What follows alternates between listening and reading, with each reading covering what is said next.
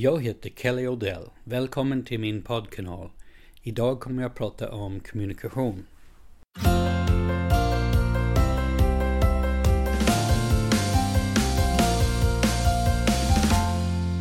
Förra veckan hade jag en föreläsning på Oscars teater i Stockholm eh, med mycket folk och vi pratade om kommunikation. Temat för konferensen var Missförstå mig rätt. Och konferensen gick ut på hur vi kan lyckas bättre med att kommunicera på vår, i våra verksamheter.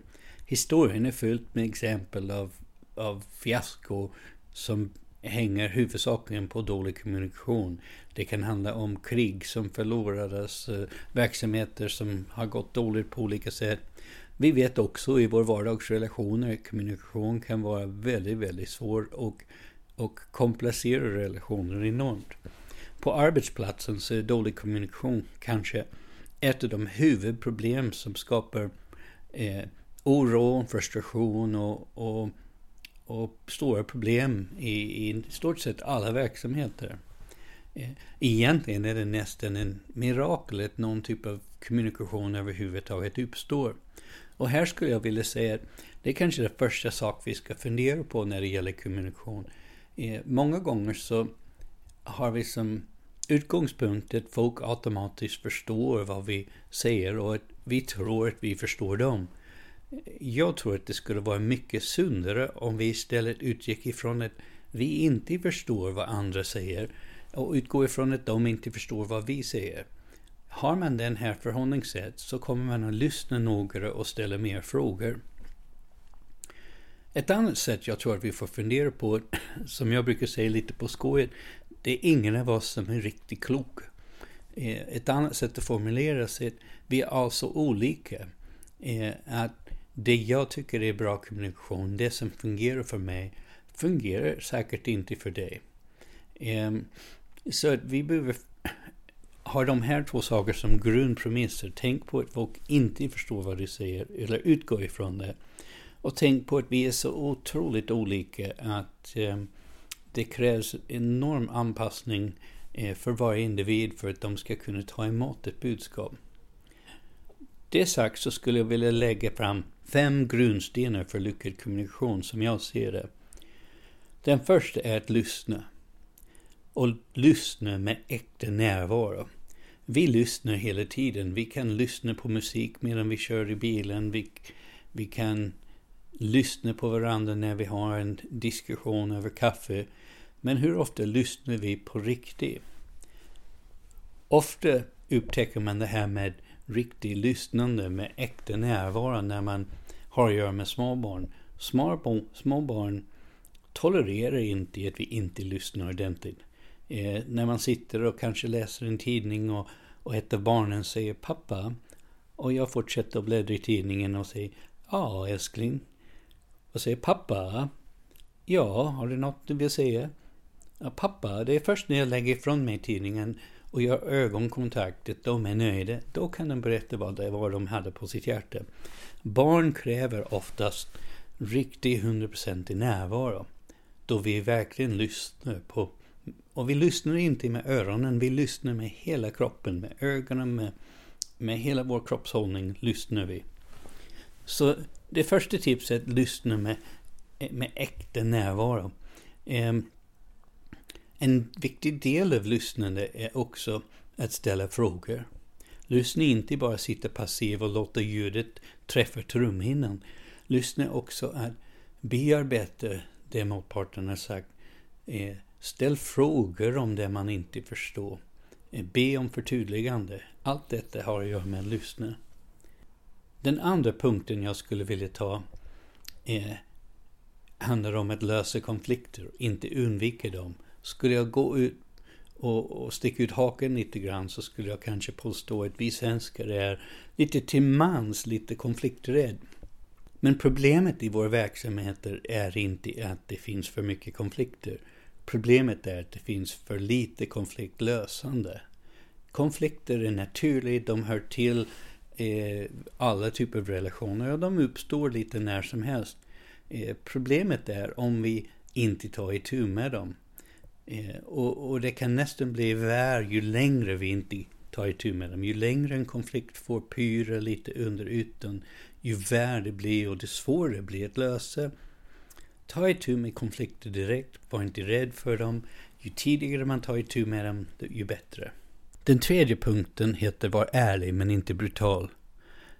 Jag tror många gånger vi undviker att vara ärliga med folk av det enkla skälet att vi inte vill såra dem. Problemet är att det leder till dålig kommunikation. Det, det, är svårt för motparten att tolka vad det var vi egentligen ville. Jag har själv tänkt på många av de utvecklingssamtal som jag har haft med mina chefer under åren. Och ofta har jag gått därifrån och känt mig osäkert om det var en bra utvecklingssamtal eller inte. Visserligen sa chefen att jag var duktig på det ena och den andra och så sa de att jag kunde vara bättre på något annat. Men det där som jag kunde bli bättre på, var det så att jag egentligen är ganska bra på det, men jag kan bli ännu bättre? Eller är det så att jag är dålig på det och behöver verkligen bli bättre? Det, det är svårt att tyda. Så det är viktigt för oss att vi är försiktiga, vi är snäll, men inte oärlig. Den fjärde punkten heter tydlig men inte tjatig. Man behöver vara tydlig, klar och rak i sin kommunikation, men inte tjatig. Det händer allt för ofta när vi kommunicerar med andra att vi upprepar samma budskap om och om och om igen och knappast har ett andetag. När vi, när vi uppfattas som tjatig så slutar lyssnaren att lyssna. Eh, och kraften i din kommunikation går förlorad. Det är bättre att göra en väldigt bra kommunikation en gång och sen välja att kommunicera igen med samma målgrupp eller samma person i ett annat sammanhang, kanske på ett annat sätt. Eh, upprepning är inte fel, speciellt när det komplicerar budskap, men undvik tjatigheten.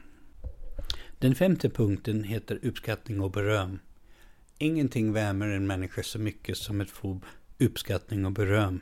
Tyvärr i vår kultur är vi lite dåliga på att ge beröm. Jag hade en chef en gång i tiden som eh, efter ett par års arbete med honom så gick jag in och frågade om han var nöjd med min, eh, mitt arbete. Och han tittade på mig och sa att jag vet att, vi inte, jag vet att jag inte är så bra på att ge beröm, men jag är väldigt bra på att ge kritik. Så om du inte har hört någonting så är det bra. Eh, det här må vara lite extremt, men generellt är vi inte särskilt bra på att ge beröm.